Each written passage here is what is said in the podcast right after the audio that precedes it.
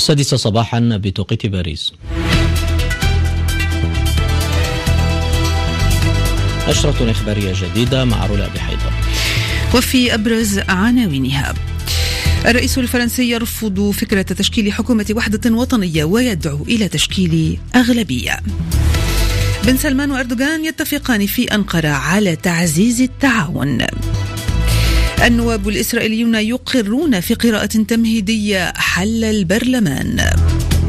ألف قتيل على الأقل في زلزال ضرب جنوب شرق أفغانستان.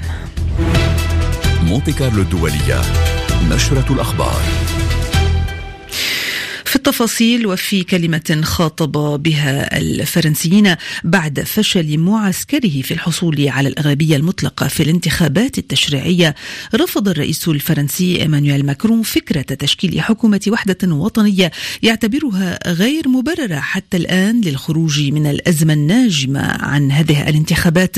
ماكرون أقر بأن الانتخابات البرلمانية أظهرت المشكلات الاجتماعية في فرنسا ودعا أحزاب المعارضة إلى التخلي عن الاقتتال الداخلي وتجاوز الشؤون السياسية نجوى بن مبارك. بعد مشاورات شاملة أجراها مع قادة أحزاب الأغلبية والمعارضة بحثا عن توافق صعب في الجمعية الوطنية بسبب فقدان معسكره الأغلبية المطلقة. تحدث الرئيس الفرنسي في كلمة متلفزة لأول مرة عن الأزمة الناجمة عن نتائج الانتخابات التشريعية مؤكدا رفضه لفكرة تشكيل حكومة وحدة وطنية وداعيا في نفس الوقت إلى ضرورة إيجاد توافقات جديدة لتفادي الجمود وشلل المؤسسات.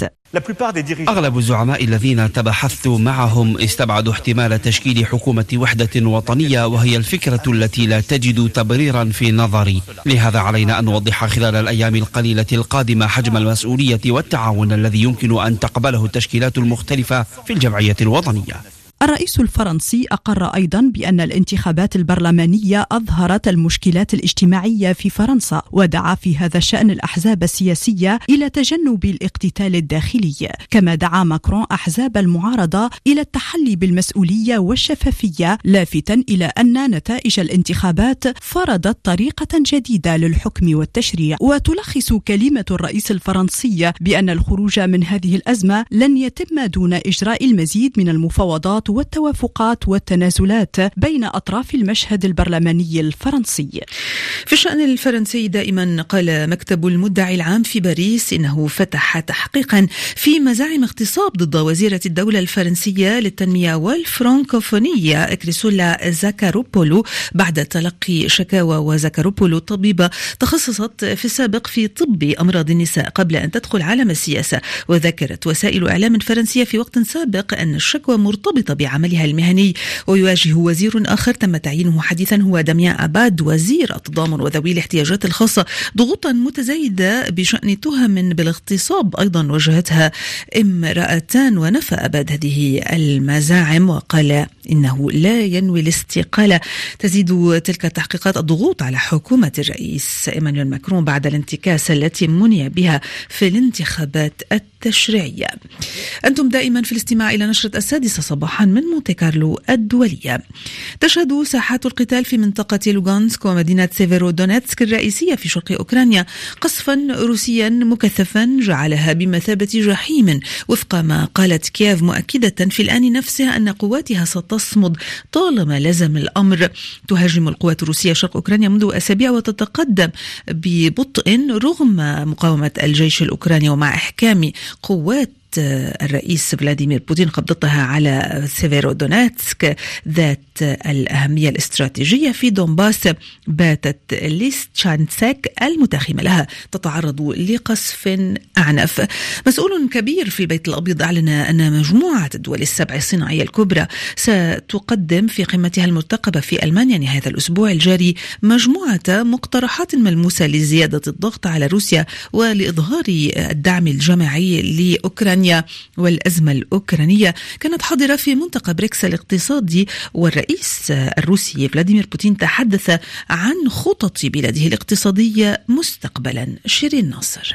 في خطاب له على هامش منتدى بريكس للأعمال في الصين دان الرئيس الصيني توسيع التحالفات العسكرية والسعي إلى تحقيق الأمن الفردي على حساب أمن الدول الأخرى لافتا إلى أن الأزمة الأوكرانية مؤشر إنذار آخر للعالم. وكالة الأنباء الصينية نقلت عن شي جين بينغ قوله إن البشرية عانت من تداعيات حربين عالميتين وأن هذا التاريخ المؤلم يظهر أن المواجهة بين الكتل المهيمنة لن تجلب السلام والأمن بل الحرب والصراعات فقط. الرئيس الروسي قال إن بلاده تعمل بنشاط لإعادة توجيه تدفقاتها واتصالاتها الاقتصادية الخارجية إلى شركاء دوليين موثوق بهم وفي المقام الأول إلى دول بريكس، لافتا إلى سعي موسكو لتوسيع الحريات في مجال الأعمال وإطلاق القروض الميسرة وتقديم تسهيلات ضريبية وجمركية.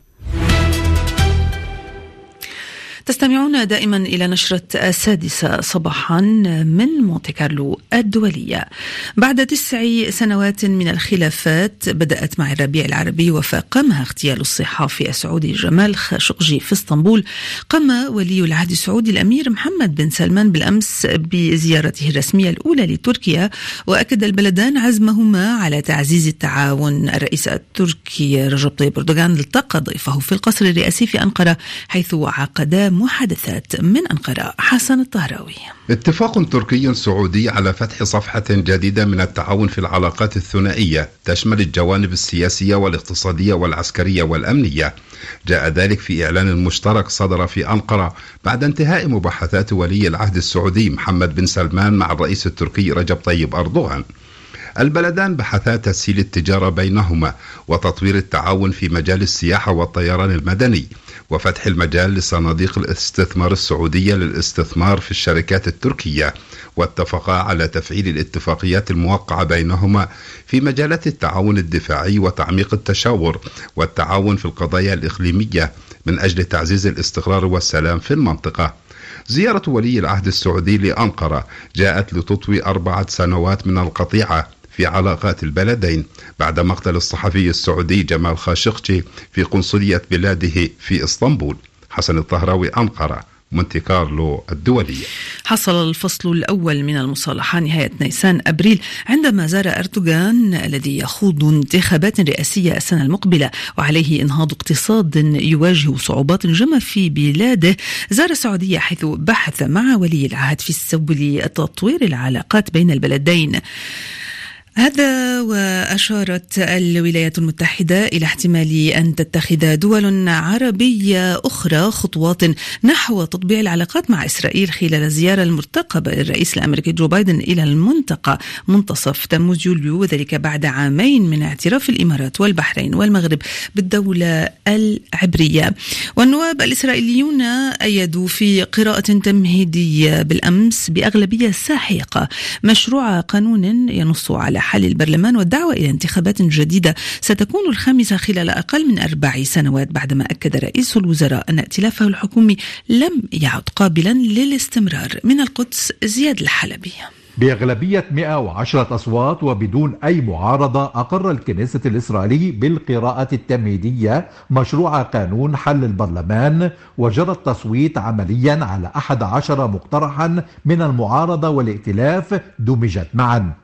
إجرائيا يصل القانون إلى لجنة الكنيست لتحضيره للتصويت في القراءات الثلاث كي يصبح قانونا نافذا. ومن المتوقع أن يستكمل التصويت الأسبوع المقبل.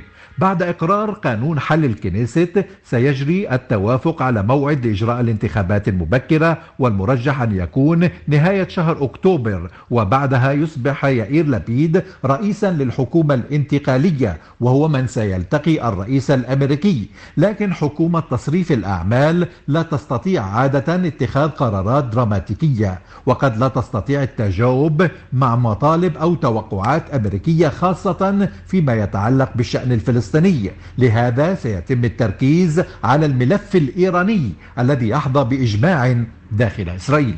زياد حلبي القدس مونتي كارلو الدولية إلى طهران وصل بالأمس وزير الخارجية الروسي سيرجي لافروف في زيارة تستمر يومين استهلها بلقاء مع الرئيس الإيراني إبراهيم رئيسي على ما أوردت مصادر رسمية.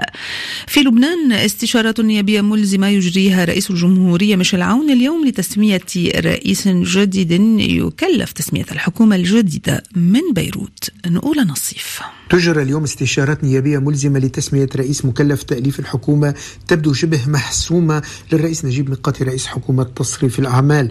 رفع من أسهم ميقاتي تمسك مؤيديه خصوصا حزب الله وحركة أمل وحلفائهما بينما انقسم النواب التغييريون والمعارضون والمستقلون على أسماء بديلة منها السفير نواف سلام. في المقابل رفض التيار الوطني الحر وحزب القوات اللبنانية ترشيح ميقاتي لرئاسة الحكومة دون ما أن يقترح منافسا له. أتاح ذلك تحسين فرصة ميقاتي للعودة إلى السرايا للمرة الرابعة. مع ذلك فإن تأليف حكومة جديدة لأربعة أشهر حتى موعد انتخاب رئيس جديد للجمهورية محفوف بالخطر نظرا إلى انقسامات الكتل وانهيار الأكثرية السابقة وهو ما سيؤدي اليوم إلى تكليف ميقاتي بغالبية نسبية. ما يرجح أن تستمر حكومته في تصريف الأعمال نتيجة صعوبة التوافق على حكومة جديدة إضافة إلى التكهنات المبكرة بأن انتخاب رئيس جديد للجمهورية غير مؤكد بدوره.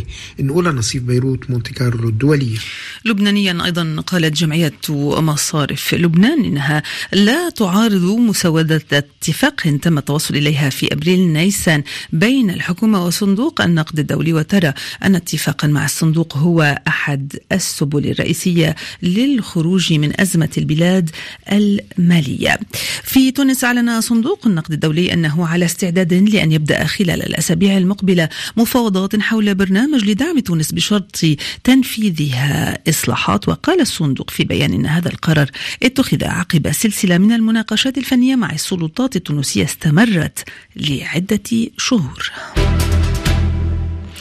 لقي ألف شخص على الأقل حتفهم وجرح أكثر من 1500 آخرين في زلزال قوي ضرب منطقة حدودية نائية في جنوب شرق أفغانستان فجر الأمس حسب ما ذكرت السلطات التي تتخوف من ارتفاع حصيلة الضحايا. من كابول محب الله شريف.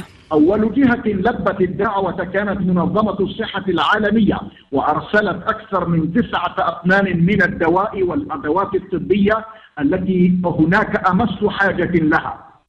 كما أرسلت وزارة الدفاع والداخلية قواتهما للاشتراك في عمليات إنقاذ المتضررين الذين لا يزالون ينتظرون من يصل إليهم وينقذهم من الهلاك أو على الأقل أن يدفن الذين لقوا مصرعهم في هذا الحادث الدموي لموجات الزلزال الشديد في تلك المحافظات. إلى جانب المسؤولين الحكوميين من الطالبان هناك تحرك قوي بين أواسط الشعب الأفغاني لكن الشيء الوحيد الذي يعوق المسيرة هي أزمات اقتصادية التي يعاني منها البلد بأكمله بعد سيطرة طالبان في شهر أغسطس من العام المنصرم التدفق السريع والأقوى يرى في المجموعات المتجهة إلى المحافظات المتضررة لكن الشيء الوحيد المنعدم بكل ما يعنيه اللفظ هو التنسيق الحقيقي بين عملياتها. محب الله شريف كابل مونتي كارلو الدولية. والولايات المتحدة أعلنت أنها تدرس استجابة إنسانية محتملة للزلزال الذي ضرب أفغانستان دون أن تستبعد أن تناقش مباشرة مع طالبان التي لا تعترف واشنطن بحكومتها. في إطار تسوية الملف التاريخي المعقد بين بلجيكا ومستعمرتها القديمة الكونغو الديمقراطية سلمت بروكسل كينشاسا نعش باتريس لومومبا أول رئيس حكومة لهذا البلد الإفريقي في خطوة لديها رمزية كبيرة. فايزة مصطفى. سيعود أحد رموز حركات التحرر في إفريقيا باتريس ليومامبا إلى وطنه أخيرا بعد مرور ستة عقود على الإطاحة به من منصبه كرئيس للحكومة وإعدامه على أيدي انفصاليين بدعم من مرتزقة بلجيكيين. وإن لم يتبقى من الجثمان الذي أذيب في الحمض إلا ضرس واحدة فهي كل ما يوجد في النعش الذي سلم إلى عائلته في بروكسل خلال مراسم مؤثرة بينما يخصص الكونغوليون استقبالا يليق ببطل لاستقلال بلادهم إذ ينقل النعش إلى قرية أونالو وسط البلاد حيث ولد ليومامبا في عام 1925 ثم يجوب البلاد ليحط الرحال في العاصمة كينشاسا في الثلاثين من هذا الشهر حيث ستقام مراسم دفن في ضريح بعد حداد لمدة ثلاثة أيام. وتحمل عودة نعش اليومامبا إلى بلاده دلالات رمزية كبيرة لا سيما وأن الخطوة تأتي بعد زيارة تاريخية قام بها ملك بلجيكا فيليب للكونغو الديمقراطية قبل أسبوعين أبدى خلالها عن أسفه العميق على ما ارتكبته بلاده من مجازر خلال استعمارها لهذا البلد الإفريقي. وبهذا التقرير نصل إلى ختام النشر عودة للتذكير بأبرز ما جاء فيها من عناوين. الرئيس الفرنسي يرفض فكرة